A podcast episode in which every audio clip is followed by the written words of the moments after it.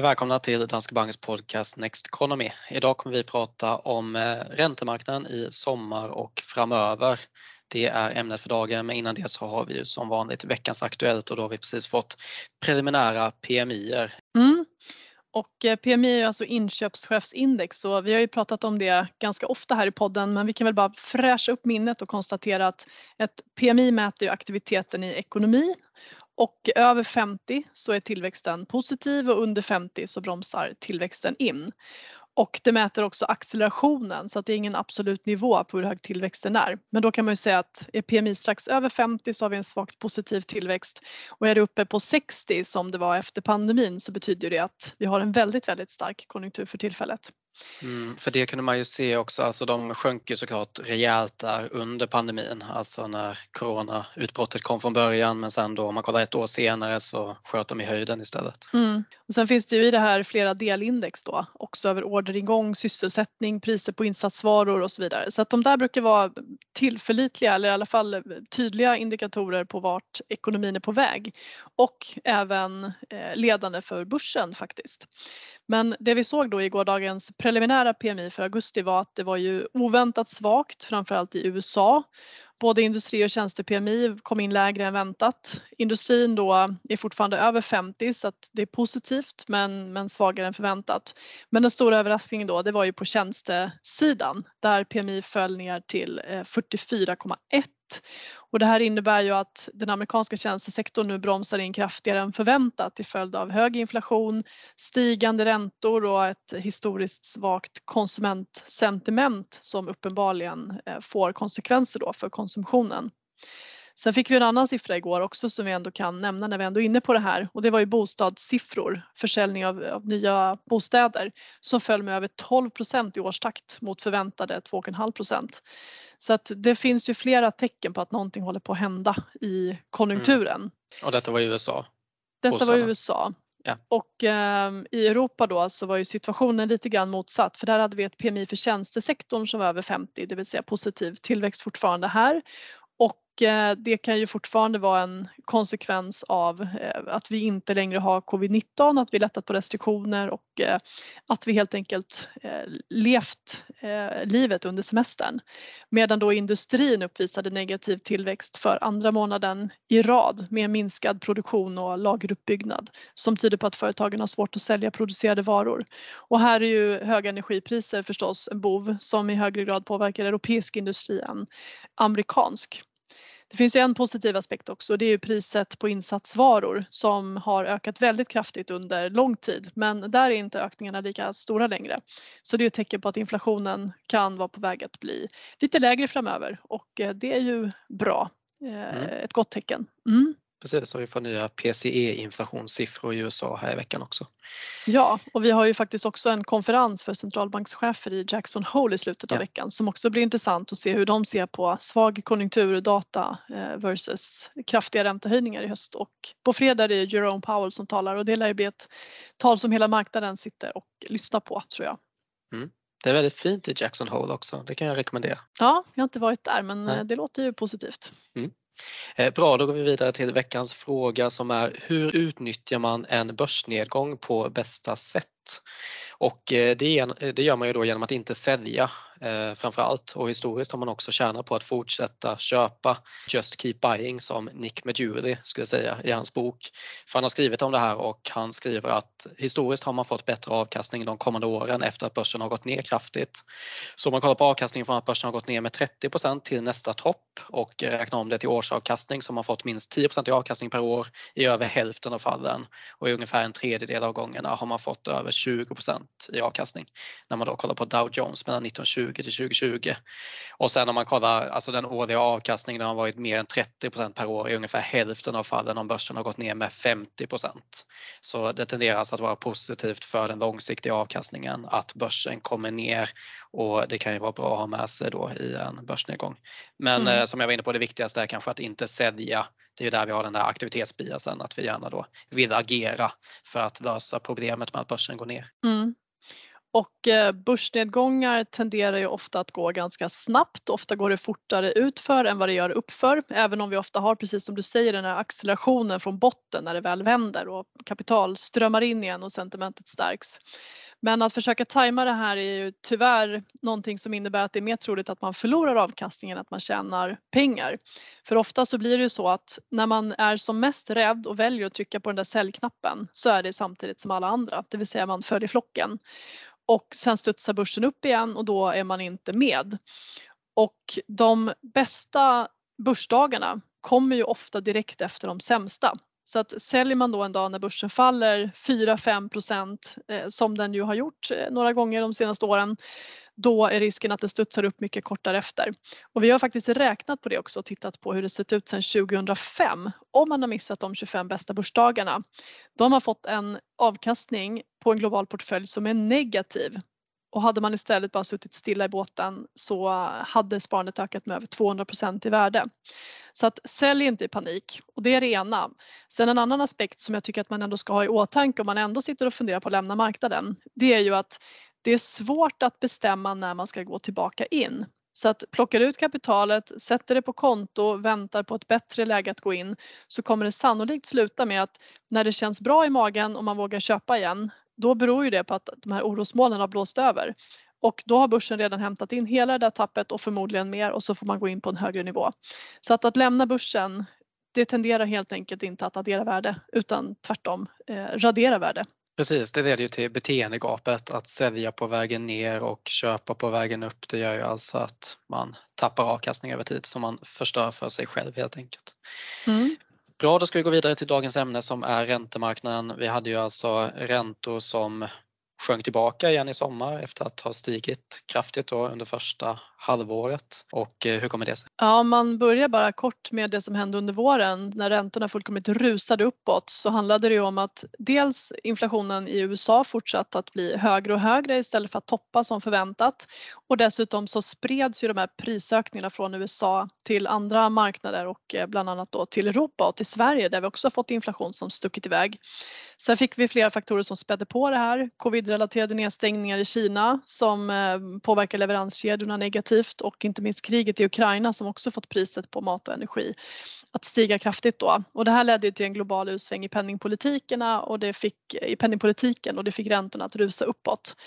Men i somras då så vände den här utvecklingen och det gick också väldigt fort precis som det ofta gör när det händer någonting på marknaden. Så att långräntorna föll väldigt kraftigt. Det lyfte börserna. Vi fick ett sommarrally på börsen och mest så steg ju tillväxtbolagen som var de som föll kraftigast under våren då. Men huvudanledningen till att räntorna faller tillbaka, man kan spalta ner det här lite sen, men huvudanledningen är ju en förväntan om att de här kraftiga räntehöjningarna i år kommer leda till svagare tillväxt längre fram och eh, förmodligen till en lågkonjunktur. Sen eh, hände ju det här fortare än vad vi trodde. Vi skrev redan innan sommaren att så småningom så kommer räntorna att, att vända neråt igen när marknaden börjar prisa in att centralbankernas åtstramning kommer leda till lägre tillväxt. Men återigen, det här gick väldigt, väldigt snabbt så att en dramatisk sommar mm. på så sätt då. Och då har ju ändå centralbankerna fortsatt höja under sommaren och det kan man ju se då att alltså, räntehöjningar från centralbanker det påverkar framförallt då korta marknadsräntor så tvååriga och femåriga har ju inte fallit på samma sätt då som de tioåriga har gjort i sommar. Och det där är ju ännu ett tecken då på en kommande recession när de tioåriga går under och inverterar. Eh, så om en tioårig då går under en tvåårig så är det ju, har det ju varit ett tecken på recession historiskt. Mm. Det finns ju flera skäl till att man kan börja vänta sig en lågkonjunktur och vi kan ju prata lite om dem också men dels har vi ju hela det här läget med en, en inflation som är en 8-9% i stora delar av världen och eh, lönerna ökar ju för amerikansk del i ungefär 6% i årstakt men på många håll så ökar de inte alls lika mycket så att köpkraften urholkas ju hela tiden. Vi får mindre och mindre för de pengar vi får i lön varje månad. Och eh, i början när inflationen steg så hade vi fortfarande ett högt buffertsparande efter pandemin så att det fanns lite att ta av. Och det fanns också ett uppdämt behov, inte minst av tjänstekonsumtion som vi var villiga att spendera de här pengarna på.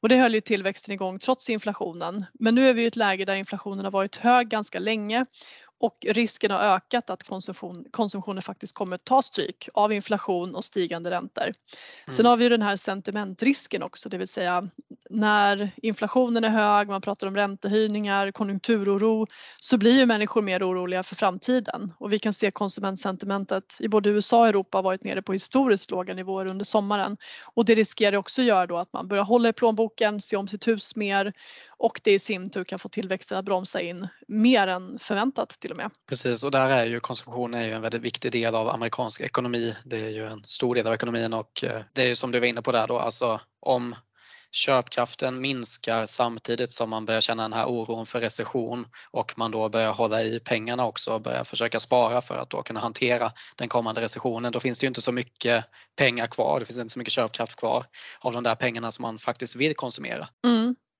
Sen är det ju faktiskt räntehöjningarna i sig från centralbanker som gör att de långa räntorna pressas ner och det kan ju låta lite motsägelsefullt kanske. Men det som händer nu när inflationen är så hög och centralbankerna hela tiden skruvat upp retoriken om hur pass kraftfullt man kommer ta i för att verkligen se till att inflationsförväntningarna inte sticker iväg och att man då pressar ner de här prisökningarna eh, ju mer de gör det, desto större blir ju risken att tillväxten kommer bromsa in kraftigt framöver och det i sin tur då ökar ju risken för en lågkonjunktur. Och tittar man då på vad som styr korta respektive långa räntor så är ju korta räntor mer styrda av vad centralbankerna gör, hur styrräntan ligger, medan de långa räntorna styrs av inflationsförväntningar, förväntningar på konjunktur och tillväxt. Och de har alltså sjunkit och det har pressat ner långräntorna.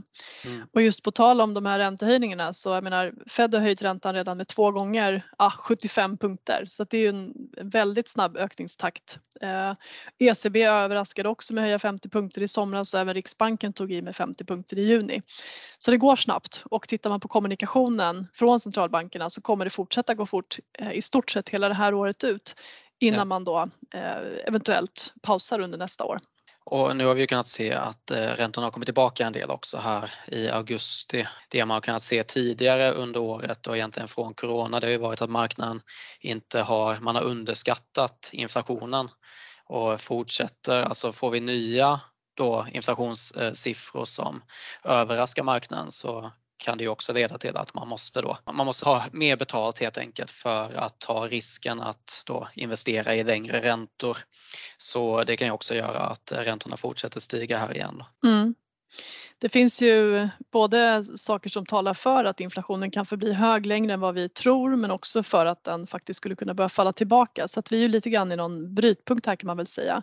Men det som talar för fortsatt stigande inflation åtminstone i USA det är ju att vi ändå har någon typ av lönespiral med 6 eh, löneökningar i årstakt och det gör ju att så länge konsumenterna får så pass mycket mer i plånboken hela tiden så kan företagen fortsätta höja priserna på varor också. Man ser för amerikansk del också att mer trögrörliga priser som tar tid att få att börja stiga faktiskt har börjat röra sig uppåt och de är också svårare att få stopp på när prishöjningarna väl har tagit fart. Så det, det talar för att kärninflationen kan ligga över Feds mål längre än önskvärt.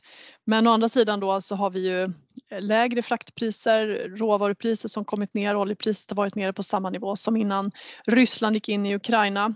Eh, matpriser ner eh, nu när eh, ukrainska hamnar har öppnat upp igen och man har kunnat påbörja exporten. Och industrimetaller har också kommit ner och en del av det här beror ju på svagare efterfrågan, inte minst från Kina som är världens största industrination då. Så att eh, det finns tecken på att inflationen har toppat men också eh, faktorer som talar för att det inte kommer gå så fort tillbaka till målet som marknaden hoppas då. Mm. Eh, men som sagt, det här är ju ett oerhört spännande läge med tanke på konjunkturdata som kommer in kombinerat med eh, hopp om att inflationen eh, ska gå ner så att centralbankerna faktiskt ska kunna börja mjukna i, i tongångarna. Men eh, ja. än så länge är vi inte riktigt där. Och det får ju effekter på börsen också. Alltså de här kraftigt stigande räntorna har ju som sagt haft en påverkan på börsutvecklingen under året och det är en bidragande orsak till varför börser har gått ner runt om i världen. Så det är klart att lugnar ner sig på räntemarknaden så är det ju positivt för aktiemarknaden också. Mm. Ehm, om vi, ska vi gå vidare och prata om alltså olika typer av, eller jag helt enkelt prata om ränteportföljen och utvecklingen för olika räntetillgångar under året. För det har ju varit negativt över hela linjen, alltså om man kollar på mer säkrare tillgångslag. Kollar man på de riktigt korta räntorna så har de ju varit positiva i, i vissa fall då, men däremot om man kollar på längre räntor eller om man kollar på olika typer av mer riskfyllda företagsobligationer eller tillväxtmarknadsobligationer så eh, ser det ganska rött ut. Mm. Jag skulle bara vilja börja med de här korta räntorna som sagt som har kunnat ge en liten positiv nominell avkastning ska påtalas. Så att man må ha haft pengarna på ett sparkonto och känt att man har fått 1 i ränta kanske beroende på vilken aktör man har valt. Men om inflationen är 7-8 procent så kommer ju kapitalet vara mindre värt när du ska spendera det därför att priserna har gått upp. Så att man får inte eh, låta sig luras allt för mycket av det. Men absolut, i alla fall bevarat det nominella värdet och kanske gett en liten positiv avkastning till och med. Ja, och det är ju bättre än de här 20 procenten som det har gått ner i ett emerging market debt index till exempel. Så där har man ju inte bevarat så mycket överhuvudtaget. Det, Nej, men, men det har man ju inte gjort. Men man, man behöver ju så ta risk också för att man ska kunna få någon avkastning på sikt. För alla de här ja. andra typerna av obligationer, om man pratar emerging market debt eller om man pratar investment grade high yield så är det någonting som du ska ha på, eh, på längre sikt ju. Och eh, då är ändå den förväntade avkastningen positiv, även om det såklart kan dröja innan det kommer upp eh, på positiv eh, nivå igen med tanke på årets nedgång då. Um, men man kan väl bara säga så här, att globalt statsobligationsindex, det har ju gått ner eh, ganska rejält. Det har backat drygt 14 procent till följd av att durationen, alltså löptiden i genomsnitt är lång i ett globalt index. Och det får ju då eh, effekten att när räntorna stiger så sjunker priset på, eh, på obligationer då. För svensk del så ser det faktiskt bättre ut. Ett svenskt obligationsindex har backat knappt 7% i år. Och då har det ändå kommit upp lite från botten i juni när det var ner nästan 9% tack vare att räntorna har fallit tillbaka då. Sen tittar vi på eh, investment grade då, som alltså är företagsobligationer med eh, hög kreditkvalitet så har ju det gått svagt också. Även här på grund av att räntorna stigit och riskerna ökat så att spreadarna, alltså eh, ränteskillnaden gentemot satta obligationer har blivit större. Och det är alltså samma sak också som att kurserna sjunker. Någonting som är lite intressant då det är att om man jämför ett, ett globalt investment grade och high yield index där high yield då är kredit, eh, krediter med svag kreditvärdighet så har high yield faktiskt klarat sig bättre. Och det finns två skäl eh, skulle jag vilja säga. Det ena är att den genomsnittliga löptiden i high yield är kortare så att det blir inte riktigt lika räntekänsligt. Och det andra är att om man tittar på en global high yield-portfölj så är ganska mycket obligationer utgivna av amerikanska energibolag och de har faktiskt gynnats i år av stigande oljepris. Och man kan se samma sak på börsen. Energibolagen har gått jättestarkt och tittar vi på amerikanska rapportsäsongen så hade vinsttillväxten då, om man rensade bort energibolagen, faktiskt varit negativ i årstakt under Q2. Men lägger man in då energibolagens vinster så ökade eh, vinsterna totalt med 7-8 procent. Så att det här har ju gynnat även då obligationer utgivna av eh, energibolag förstås som, som tyngdes under fjolåret när energi, eh, oljepriset föll som en sten eh, men som då eh, gynnas nu när det kommit upp. Så att det har varit positivt. Värre är det för europeisk high yield som har backat nästan 20 procent sedan årsskiftet på grund av räntor, höga gaspriser och utsikter för svagare konjunktur. Så att ganska mm. olikartad utveckling där får man säga.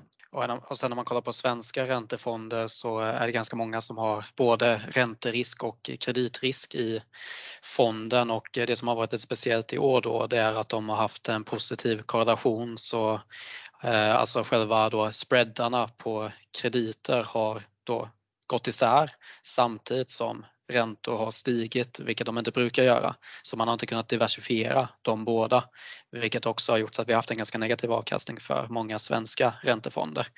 Eh, men som du var inne på tidigare, det här med att vara långsiktig, det är någonting som vi eh, påpekar gång på gång och det gäller ju ränteportföljen också. För det är väldigt eh, vanligt att man kan fokusera då på en utveckling i det korta perspektivet som i år då har varit ganska negativ för många, många tillgångsslag. Men det man ska fokusera på är ju hur något tillgångsslag bidrar till en portfölj på lång sikt. Så historiskt har ju obligationer haft en låg korrelation med aktier, vilket har gjort att en portfölj med aktier och obligationer har gett en bra riskjusterad avkastning. Och obligationerna har också bidragit till att man har minskat nedgången i portföljen. Så om man då kollar på expected shortfall till exempel i våra portföljer, alltså hur olika tillgångar presterar i de sämsta perioderna, så har obligationer haft ett negativt bidrag till risken i portföljen. Det har helt enkelt bidragit till att portföljen har fallit mindre i värde genom att man har haft obligationer i portföljen. Så även då om man har haft en negativ avkastning på räntefonder, svenska räntefonder hittills i år så betyder inte det att man inte ska äga dem på lång sikt. Nej precis, för även om det här sambandet där det normalt sett bidrar till en bättre riskjusterad avkastning varit satt ur spel i inledningen av det här året så är det någonting som är väldigt ovanligt. Och det finns ingenting som talar för att det skulle se annorlunda ut om man drar ut kurvan lite grann. Utan eh, på längre sikt så eh, bör det här fortfarande gälla. Och eh, statsobligationer är normalt sett ett säkert tillgångslag. Ehm, som brukar stiga i värde när börsen faller därför att räntorna kommer ner. Och det positiva nu med att vi faktiskt har ett högre ränteläge det innebär att dels den, här, den löpande avkastningen som man kan få från obligationer är högre än när statsobligationsräntorna var, var negativa och den stötdämpande effekten vid nästa kris, det vill säga när räntorna faktiskt faller tillbaka ordentligt och centralbankerna sänker igen, den kommer funka bättre därför att du kommer få en större positiv effekt på obligationskurserna när du har lite ränta, en ränta som faktiskt kan sjunka än ja. när en statsobligationsränta är minus 0,5 procent. Ja precis och där brukar ju då durationen i en portfölj brukar ju då, eh, det brukar vara en fördel istället för långa räntor är normalt sett ett skydd mot recession och mot börskrascher. Mm. Eh, bra, har vi något mer att säga om ränteportföljen eller ska vi gå vidare till veckans tankefel? Jag tycker vi hoppar vidare till tankefelet. Det ska bli spännande ja, att höra. Då eh, pratar vi om förlustaversion den här gången. Och det är det här gamla vanliga konceptet att glädjen av en vinst är ungefär hälften så stor som den obehagliga känslan av en förlust. Det här är något som Daniel Kahneman och Amos Tversky har kommit fram till genom olika experiment. Och det där är ju ganska trist egentligen för man kommer aldrig uppleva sina vinster lika starkt som sina förluster. Och det gör ju att investeringar kanske inte är den roligaste saken att hålla på med egentligen. För förlusterna blir så tydliga när det handlar om pengar och när man har siffror på allt. Och eh, det får ju också en del effekter i portföljen. Det är till exempel enklare att sälja en vinnare som man fortfarande tror på än att sälja en förlustaktie som man fortfarande tror på. Men det är ju inte rationellt. Egentligen borde man ju vilja köpa båda. Men vi behåller alltså gärna förlorare i portföljen. Så så länge vi inte säljer kan vi fortfarande få tillbaka pengarna. är ganska enkelt att tänka. Vi behöver inte erkänna det här misstaget och då slipper vi känna den där smärtan av att förlora. Eh, en annan vanlig tendens, alltså, det är ju ett faktum då att en nedgång kräver en större uppgång på börsen. Och eh, så en nedgång på 20% kräver en uppgång på 25% en nedgång på 30% kräver en uppgång på 43 och har du fått en nedgång på 50% så krävs en uppgång på 100% för att vara tillbaka igen. Och en vanlig tendens är ju också att man gärna vill vinna tillbaka pengarna i samma aktie. Men om man då har som mål att få tillbaka en nedgång på till exempel 30% då ska man försöka hitta en aktie som har bäst förutsättningar att gå upp med 43% Och det behöver inte vara den aktie man äger men det är så enkelt att gifta sig vid en aktie som har gått ner. Och en ganska då enkel och tråkig kanske lösning på det här det är att ha en diversifierad fondportfölj istället. För det är enklare att göra misstag i enskilda aktier. För en enskild aktie kan gå ner i värde och aldrig komma tillbaka igen. Men har du en fond så är det enklare att anta i alla fall att den fonden kommer komma tillbaka för fonden är diversifierad. Så eh, det kan väl vara ett, ett ganska enkelt sätt att undvika den här typen av tankefel. Jag skulle också bara vilja addera att det är mycket lättare att vara ägare eller sparare i en fond än i en aktie därför att ska du köpa enskilda bolag och bygga din egen portfölj så behöver du hela tiden följa upp hur det går för de här bolagen. Ha dels eh, ett stort intresse, en del kunskap och också tid att göra det. Och för de allra flesta så finns nog inte tillräckligt med tid egentligen. Och då är ju en fond lättare. Eh, det behöver inte göra särskilt mycket research för att investera i en fond och som sagt du får en bred exponering över index, du får många olika sektorer på en och samma gång. Så att välj en fond, månadsspara, låt den ligga och eh, i slutändan så kan du vara rätt säker på att det där kommer bli eh, en bra affär. Mm, jättebra, då tänker jag att vi avrundar för idag. Ni får som vanligt ställa frågor i frågeformuläret i avsnittsbeskrivningen så tar vi upp dem här i podden.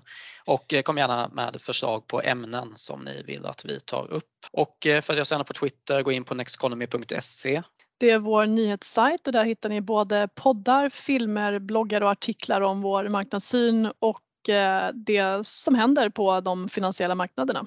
Och eh, gå gärna in i Podcaster-appen eller på Spotify och betygsätt podden också. Nästa avsnitt kommer om två veckor igen. Vi tackar för att ni har lyssnat och så hörs vi ändå. Tack och ha en fin vecka.